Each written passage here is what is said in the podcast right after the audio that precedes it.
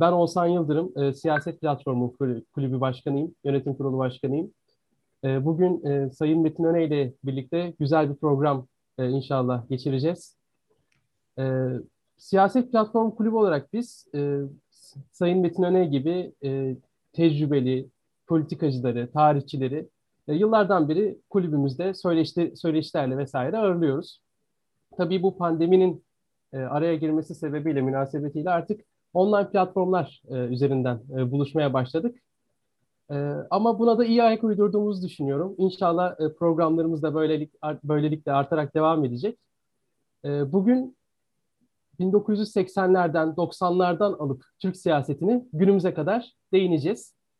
E, neden 1980'ler, neden 1990'lar? E, çünkü aslında bugünün e, siyasal temellerinin e, o dönemde az, az çok e, temellerinin atıldığını biliyoruz. O dönemde, e, bugünün siyasetinin temellerinin o dönemde atıldığını biliyoruz. E, Gazi Mustafa Kemal Atatürk'ün de dediği gibi tarihini bilmeyen milletler yok olmaya mahkumdur. E, biz de bugün e, tarihimizi birinci ağızdan, e, Sayın Metin Öney'in ağzından e, öğreneceğiz.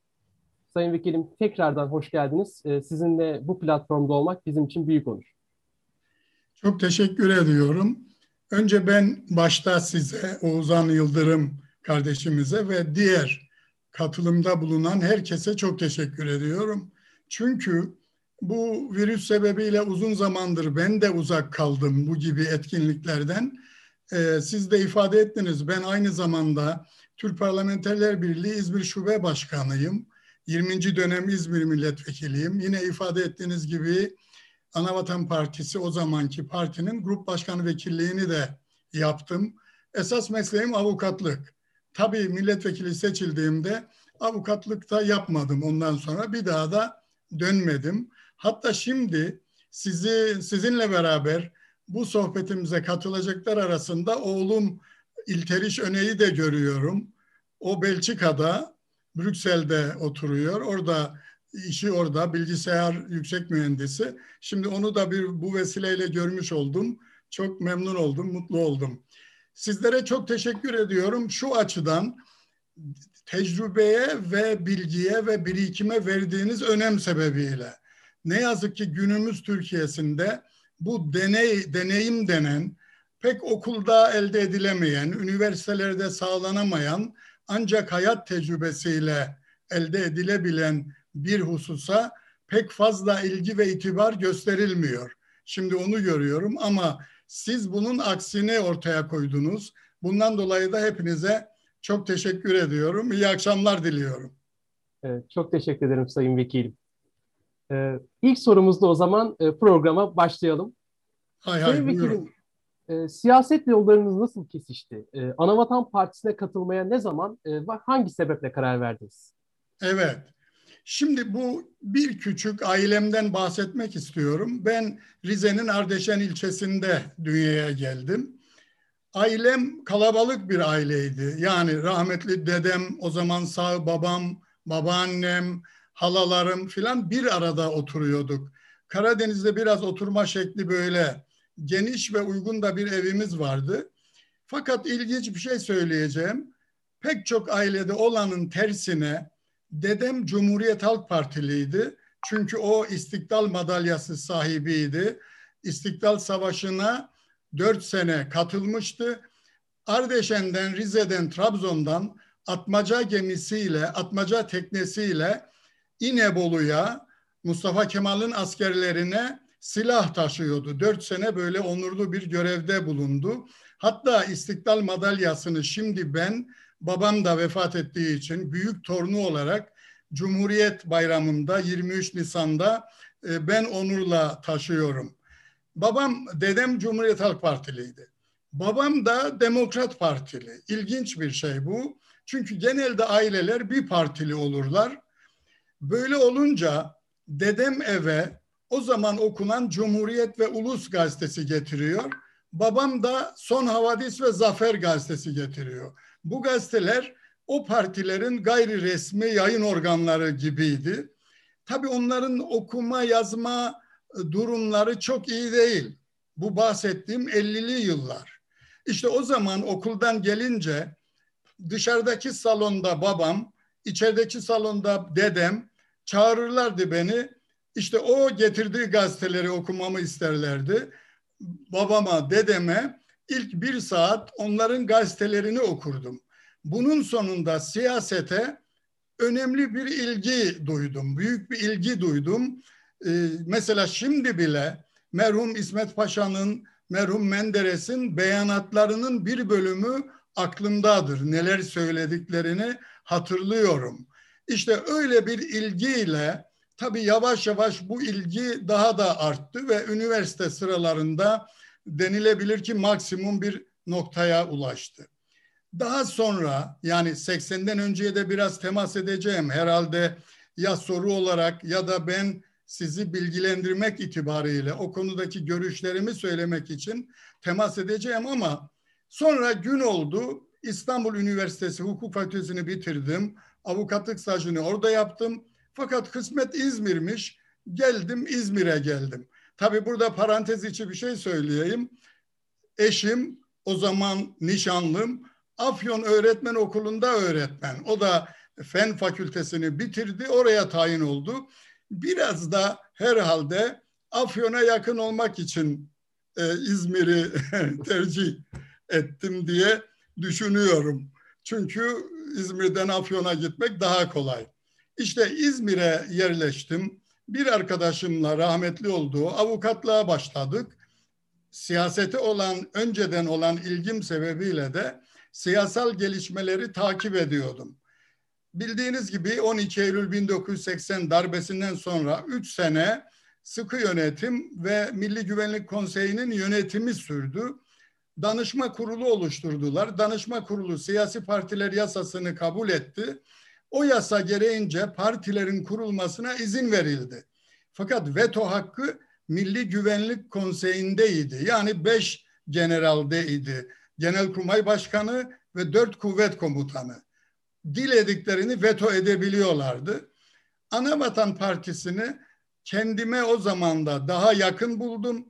Bir de benim eski arkadaşlarımın bir bölümü o partinin kurucu üyeleriydi. Böyle olunca e, siyasete de devam etme arzusu var.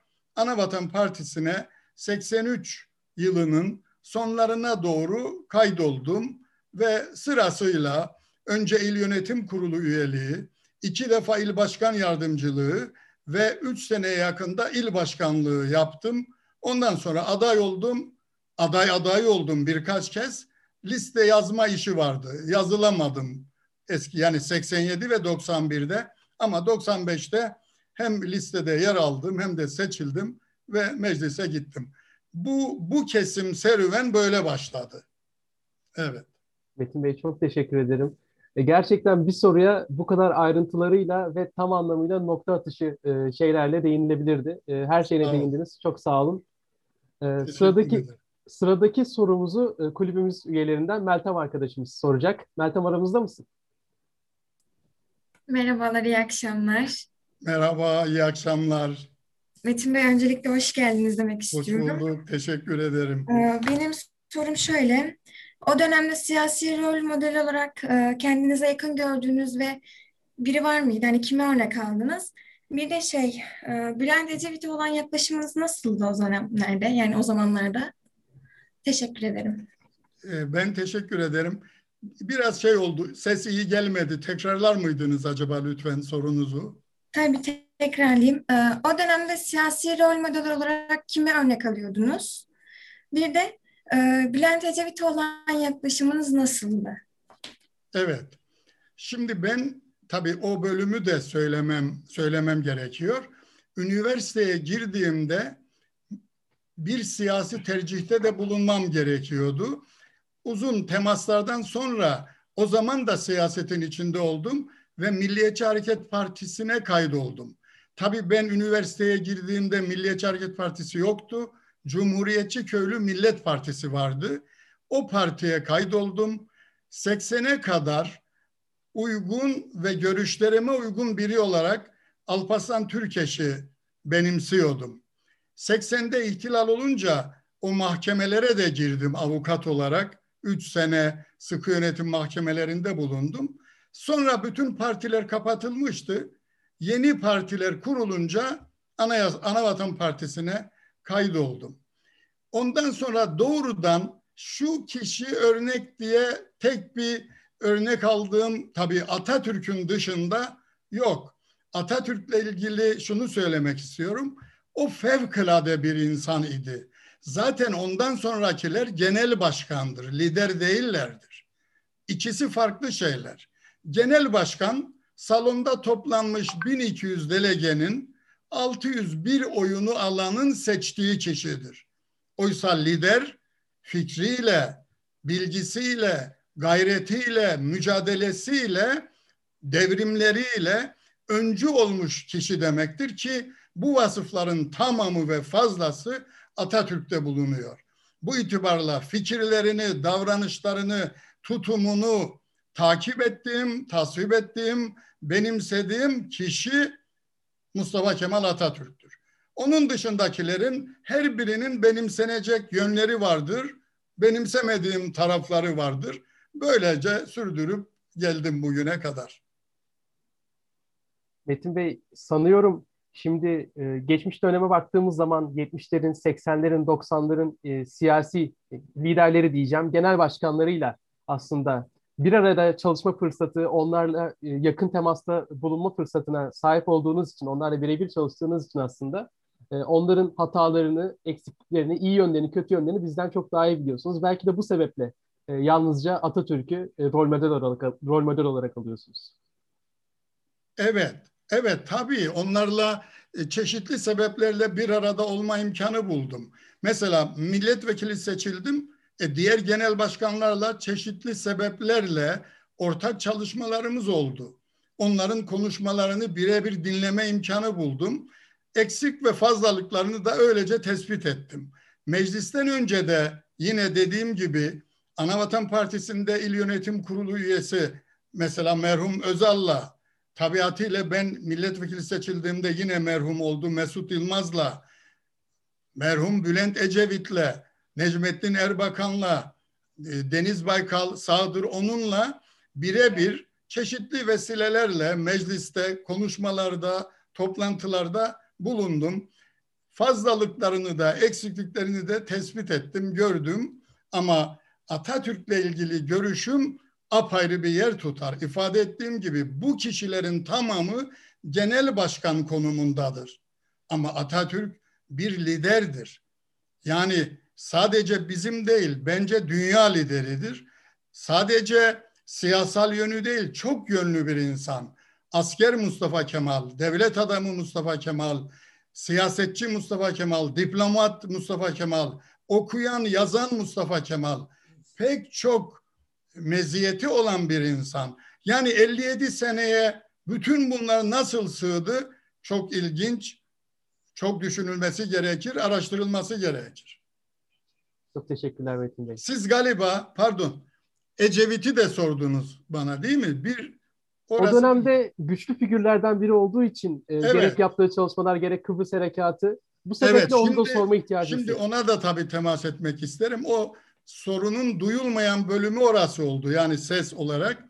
Tabii ben merhum Ecevit'le de milletvekili olduktan sonra pek çok kez görüşme imkanım oldu. imkanım oldu. Önce bir husus belirteyim. Son derece nazik, zarif bir insan. Mütevazi bir insan. Mesela örnek vereyim. Ben milletvekiliyken babamı kaybettim. 5-10 gün, 20 gün Trabzon'da hastanede yattı. Yanında bulundum. Sonra vefat edince Ardeşen'e götürdük, defnettik vesaire. Meclise döndüm. Grup başkanı vekiliyim. En önde oturuyoruz oturma itibariyle. Ecevit salona girdi. Beni görünce onların oturduğu bölüm bizim bölümden daha uzaktaydı. Hemen yönünü değiştirdi, geldi.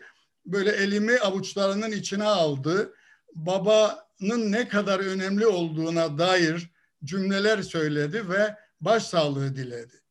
Bunun gibi ben onu bir gün ceketlerinin düğmesi iliksiz görmedim. Selam verecek elleri cepte zaten hiç görmedim. Yani bu tarz vasıfları olan bir insan. Ha bir şey de söyleyeyim. Bilgi birikimi de o derece.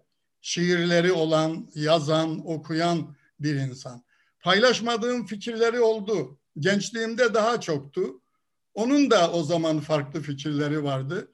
Ama daha sonra ortak noktalar, mesela ülkenin bağımsızlığı, cumhuriyet rejiminin fazileti, demokrasi gibi konularda ortak faydalarımız oldu. Mücadelemiz de öyle devam etti.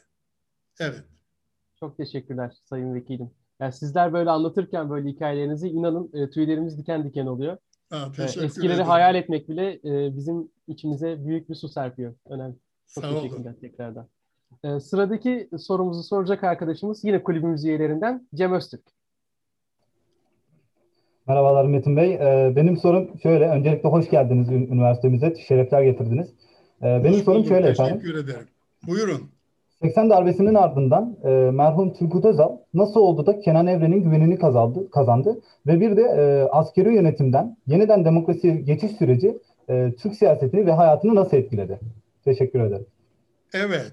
Şimdi Turgut Özal önce planlama hemen şunu ifade edeyim. Çok önemli bir kurum var idi. Devlet Planlama Teşkilatı. Bu kurum ne yazık ki e, 2002'den sonra kaldırıldı. Oysa Devlet Planlama Teşkilatı çok önemliydi. Çünkü her şeyin bir plana bağlanması gerekir. Türkiye'de ne yapılacaksa X ilinin filan ilçesinin şu köyünde köprü yapılacaksa onun da o planlamadan geçmesi gerekirdi. Böyle de olması doğal idi. Ne yazık ki kaldırdılar onu ama bu kurum çok değerli insanlar yetiştirdi. Mesela İlhan Kesici de mutlaka ismini çok duymuşsunuzdur. İlhan Kesici de o Kesici de o planlama müsteşarlığı yapmıştı. Turgut Özal da planlama müsteşarıydı partilerin kurulmasına izin verilince Turgut Özal 36 kişiyle Anavatan Partisi'ni kurdu. İlginç olan şey şu, 36 kişinin hemen hemen 30'u çok genç, 30'lu yaşlarda, 35'li yaşlarda. İsim isim söylediğimde hatırlayabileceksiniz. Merhum oldu bir trafik kazasında. Benim de gençliğimden arkadaşımdı Mustafa Taşar, Halil Çılgın, Veysel Atasoy, efendim e, bunun gibi pek çok arkadaş o zaman 30-35 yaşlarında bunlarla parti kurdu. Hatta bir sohbetimizde dedi ki diğer genel başkanlar dudak büktüler. Bunlarla parti mi olur diye söylediler ama partide başarılı oldu, iktidarda oldu dedi. Şimdi orada tabii Milli Güvenlik Konseyi ile de planlamadan sonra başbakan yardımcılığına getirildi. Ekonomiden sorumlu başbakan yardımcısı oldu. Başbakan Bülent Ulusoy'du, asker kökenli. Onun yardımcılığına da Turgut Özal getirildi. Bir müddette böylece çalıştılar konseyle beraber. Parti kurmaya karar verince de ayrıldı ve partiyi kurdu. Milli Güvenlik Konseyi ile olan irtibat biraz da oradan geliyordu. Anavatan Partisi'nde de pek çok kişiyi veto ettiler ama parti olarak vetoya uğramadı. Bunun dışında nasıl bir ilişkisi, münasebeti vardı onu tabii ben bilemiyorum. Çünkü o derece o tarihlerde yanında ve yakınında değildim. Ama o başbakan yardımcılığı, planlama müsteşarlığı, ekonomiyi bildiğine dair yaygın kanaat, o zaman da en önemli sorun ekonomik sorunlardı. Şimdi de öyle. Türkiye hep bu sorunlarla uğraşmıştır. Herhalde onun etkisi olsa gerek diye düşünüyorum. Daha sonra danışma kurulu diye bir kurul oluşturuldu Milli Güvenlik Konseyi tarafından. O danışma kurulu meclis görevi yaptı. Başta siyasi partiler seçim yasası olmak üzere ve 82 anayasasını da taslak olarak o kurul hazırladı. Ondan sonra da 83 Kasım'ında seçimlere gidildi. Anavatan Partisi tek başına iktidar oldu. Evet. Yanıtınız için çok teşekkürler Sayın Vekilim. Ee, Cem, senin değinmek istediğin ayrıca bir şey var mı? Soruya istediğin gibi bir cevap alabildin mi? Neyse sanıyorum Cem duymuyor beni ama. E, sıradaki soruyu soracak olan arkadaşımız e, üyelerimizden hatta kulüp başkan yardımcımız kendisi Berk Çoban. Ee, Sayın Vekilim, öncelikle bize zaman, zaman ayırdığınız için teşekkür ederim. Rica ederim. Benim sorum e, PKK'nın terör faaliyetlerine başladığı 80'li yıllardan itibaren e, artarak devam etmesinin ana sebebi nedir? E, bir de Türkiye ne tür önlemler almalıydı PKK'ya karşı? Teşekkür Evet. ederim. Şimdi tabii bu son derece kapsamlı, geniş bir konu ama kısaca temas edeceğim. 84 yılında Eruh'ta bir baskın düzenlendi. PKK'nın ilk eylemi Eruh baskınıdır. Etrafa ateş açarak pek çok yurttaşımızın da ölümüne yol açtılar. İlk eylem böyle. Şimdi burada bir tespit olarak bir yanlışı ifade etmek isterim. O zaman başbakan olan merhum Özal Bodrum'daydı. Olayı duyunca herhalde birkaç çapulcu diye nitelendirdi. Benim kanaatim odur ki bu işe ilgi duyanların da kanaati odur. O zaman bu iş birkaç çapulcu gibi değerlendirilmeyip de anında müdahale edilebilseydi belki iş bu boyutlara gelmeyebilirdi diye düşünüyorum. Bunu o zaman okuduğum, duyduğum, yaşadığım bir olay olduğu için söylüyorum. Şimdi böylece tabii şunu ifade etmek istiyorum. Dünyanın üç eski deyimle netameli bölgesi var. Netame nedir? En tehlikeli. Nedir bu en tehlikeli üç bölge? Balkanlar, Orta Doğu, Kafkaslar. Peki Kafkaslarla Orta Doğu'nun en önemli özelliği nedir? Şimdi de çok insanlığın muhtaç olduğu petrol orada çıkıyor. Başka gaz orada çıkıyor. Başka su orada. Peki ilaç için kullanılan ham maddenin kaynağı yine petrol ve bütün bunlarla birlikte değerli gençler, değerli arkadaşlarım, Batı'nın ürettiği silah manavda satılan elma armut gibi bir şey değil. Birilerinin öldürülmesi için kullanılması gerekir. Ne yazık ki bunlar en çok bu üç tehlikeli bölgede kullanılıyor. Hele Müslümanlar birbirine çok kullanıyorlar. Son zamanlarda daha da çok. Demek ki bu beş şart petrol, gaz, su, ilaç ham maddesi ve silah satımı. Onun için bu bölgede istikrarsızlık emperyalizm için temel hedeftir. hedeftir. O halde Orta Doğu'nun en istikrarlı ülkesi ve bütün Orta Doğu ülkelerinden hatta Kafkaslardaki ülkelerden Balkanlardaki pek çok ülkeden daha çok demokrat, cumhuri sistemle medeni kim? Türkiye Cumhuriyeti. Kimin eseri? Mustafa Kemal Atatürk'ün eseri. O halde bu istikrarı bozmak gerekir. Bu istikrar bozulunca Orta Doğu'daki o yeraltı kaynaklarını kullanmak Batı için çok daha kolaylaşıyor. Çünkü Orta Doğu'daki ülkeler bizim sahip olduğumuz Atatürk'ün kurduğu bu meziyetlere sahip değiller. Onun içindir ki Türkiye'nin bir zayıf karnını araştırdı emperyal güçler. Bu da bölücülük. Tabii şimdi buna ne yazık ki indirilen değil de uydurulan din de bu zayıf karnımızı oluşturuyor. Böyle olunca da bizi birbirimize düşürmek, birbirimize düşürmek Batı için en uygun çözüm yolu diye nitelendirildi ve bu illegal örgüt, terör örgütü ortaya çıkarıldı. Yanlış tedbirler, eksik tedbirler vesaire de örgütün büyümesine yol açtı.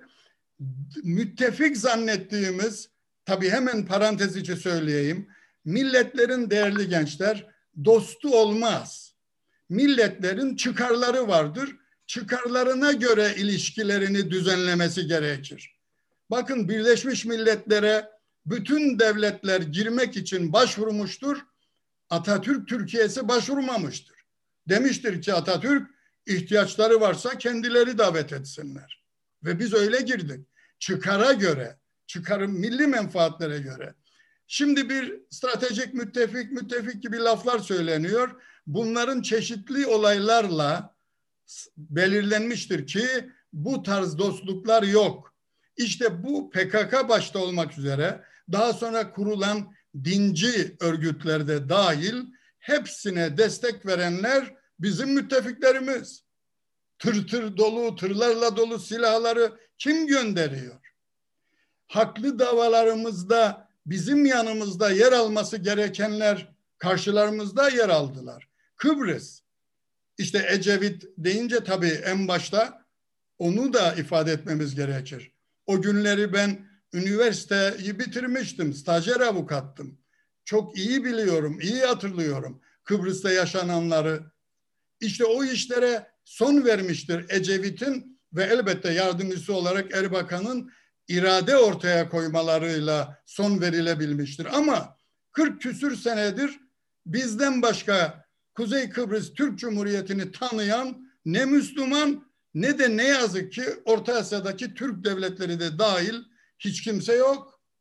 Ha bizim de elbette ki bu konudaki bir basiret bağlanmamız var. Ama ötekiler de bunu bir türlü kabul etmiyorlar. İşte bu sebeplerle, bu desteklerle içeriden de yanlışlar yanlışlar yapılmıştır. Bu örgüt işte 84, 2021 kaç sene oluyor? Neredeyse 40 e, seneye yakındır. Önce yüzlerce, binlerce şehidimize, yurttaşlarımızın ölümüne, milyarlarca dolar maddi zararımıza yol açıyor ve açmaya da üzülerek söylüyorum ki devam ediyor. Teşekkürler Sayın Vekilim. Sıradaki e, sorumuzu soracak olan isim e, Kulübümüz Temsilciler Kurulu üyesi Esma Yürüdü. Merhaba, iyi akşamlar öncelikle. İyi akşamlar. Benim sorum Turgut Özal'la alakalı olacak. Kendisi biliyorsunuz 93'te görevi sırasındayken vefat etti. Siz Turgut Özal'a yakın bir isim olarak Turgut Özal'ın ölümünü şaibeli buluyor musunuz? Bunu sormak istiyorum. Teşekkürler. Hemen yok bulmuyorum. Şaibeli bulmuyorum. O konuda e, o konuda söylenenlerin bir kısmını istismar olarak görüyorum. Daha fazla girmek istemem ailesini falan üzmemek için. Bir bölümünü de yanlış bilgilere dayanıyor. Hemen söyleyeyim. Bir, merhum Turgut Özal tabii bir ciddi kalp ameliyatı geçirdi. O başbakanken Amerika'da orada tedavi gördü. Geldikten sonra bir şeyi tespit etti. Önceden söyledikleri benim de katılmadığım fikirleri oldu ama daha sonra bir cümlesi var. Dedi ki 21. asır Türklerin asrı olacaktır dedi Özal. Bu cümlesi kayıtlarda da vardır, konuşmalarında da vardır, sabittir. Peki bunun olması için ne yapmak gerekir? Orta Asya'daki Türk Cumhuriyetleriyle ilgi ve irtibat kurulması gerekir. Mesela sonraları yazıldı. Azerbaycan Cumhurbaşkanı merhum Ebulfeyz Elçi Bey'i en çok destekleyen maddi manevi, parasal ve siyasal destek veren kişi Turgut Özal'dır. İşte ölümüne yakın aşağı yukarı 12 bin kilometrelik bir yolculuk yaptı. Bütün Türk Cumhuriyetlerini dolaştı. Onlarla görüştü. Onlarla bir arada olup yeni bir güç işte demin dediğim üç tehlikeli bölgede Kafkaslar, Balkanlar, Orta Doğu'da bir Türk topluluğu söylendiği gibi tabii siyasal bir birlik değil. Fikirde birlik olsun, ekonomide birlik olsun, işte birlik olsun ve birbirlerinin sorunlarını çözebilsinler gezisiydi bu. Oradan çok yorgun döndü. 12 bin kilometre hasta bir insan, o yaştaki bir insanın kat etmesi kolay bir iş değildi. Zaten hemen döndükten sonra da tam ben Anavatan Partisi il başkanlığına hazırlanıyorum. E, hatta bir Bornova'ya ilçeyi ziyarete gittim destek için. Dönerken arkadaşlarla arabanın radyosundan Özal'ın vefat ettiğini duydum. Nisan ayının e, 93 Nisan'ında. Şimdi demek oluyor ki o yorgunluğun verdiği stres olsa gerek. Bu bir gezi yani bu ziyaretler bir seyahat edeyim, şöyle yapayım değil. Bir taraftan e, o zaman e, Rusya var, başka bloklar var vesaire. Türklerle bunları konuşmak, Türk Cumhuriyetleriyle zor işlerdi. O yorgunlukla döndü ve şey de tabii vade de dolmuştu mutlaka takdir ilahi de öyle tecelli etmiştir. O bakımdan ben e, zaten biliyorsunuz mezardan bile çıkardılar, baktılar, edildi, gerekenler yapıldı ve söylenenlerin doğru olmadığı e, sabit oldu. Evet, benim kanaatim budur, bilgim de bu doğrultudadır. Açıkçası o döneme geri dönüp bir baktığımızda e, merhum Cumhurbaşkanı'nın e, Türk Birliği yani fikirsel anlamda, ekonomi anlamında evet. e, bir Türk Birliği kurma düşüncesi e, hala gerçekleşebilmiş bir ideal değil ne yazık ki. E, açıkçası o süreçte şimdi bu keskin bir politik adım olduğu için e, diğer dünya devletlerin de bu politika e, e, bu politika e, korkutuyor aslında diyebiliriz. E, bu sebeple de bu tarz spekülasyonlar e, ön plana çıktı. Ne yazık ki görüyoruz hala bizim e, Türk devletleriyle e, uygulanabilir bir ekonomik anlaşmamız söz konusu değil. Tabii ki e, anlaşmamız olan ülkeler var fakat ne yazık ki istediğimiz seviyede değil. E, o dönemde eğer bu politika hayata geçebilseydi e, şu an günümüzde daha farklı bir Türkiye e, olabilirdi sanıyorum değil mi Sayın Vekil? Çok haklısınız. E, elle tutulur bir ekonomik değil. O günden sonra geri gidildi. Oysa bu büyük bir imkandır. Yani şimdi bir düşünün bütün devlet işte NATO diye bir şey oluşturuldu. Avrupa Birliği oluşturuldu. Atatürk zamanında hemen hem Müslümanlarla hem Balkanlarda Balkan Paktı e, Pakistan'ın evet, evet dahil olduğu pardon ses sesim geliyor mu? Şu an geliyor. Evet. Derhal bu tarz e, anlaşmalar yaptı. Dünyada yalnız da yaşanmaz. Mesela şimdi üzülerek söylüyorum Türkiye yalnızlaştırıldı. Hatta o zaman başbakanlık yapmış e, Sayın Davutoğlu da e, yanılmıyorsam onurlu yalnızlık diye mi, değerli yalnızlık diye bir şey söyledi. Yani yalnızlığın onurlusu, değerlisi falan olmaz. Devletleri de bir arada olmaları gerekir, çıkarları doğrultusunda. Ama Orta Asya durumu bizim için farklı. Bir kültür birliği var, dil birliği var. Bunlarla bir arada olmanın vereceği bir güç olacaktı, manevi bir güç.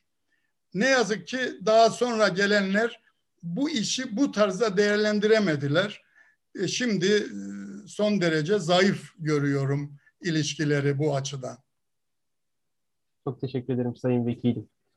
Ee, sıradaki soruyu soracak olan arkadaşımız kulübümüz üyelerinden Eray. Eray Dağdelen.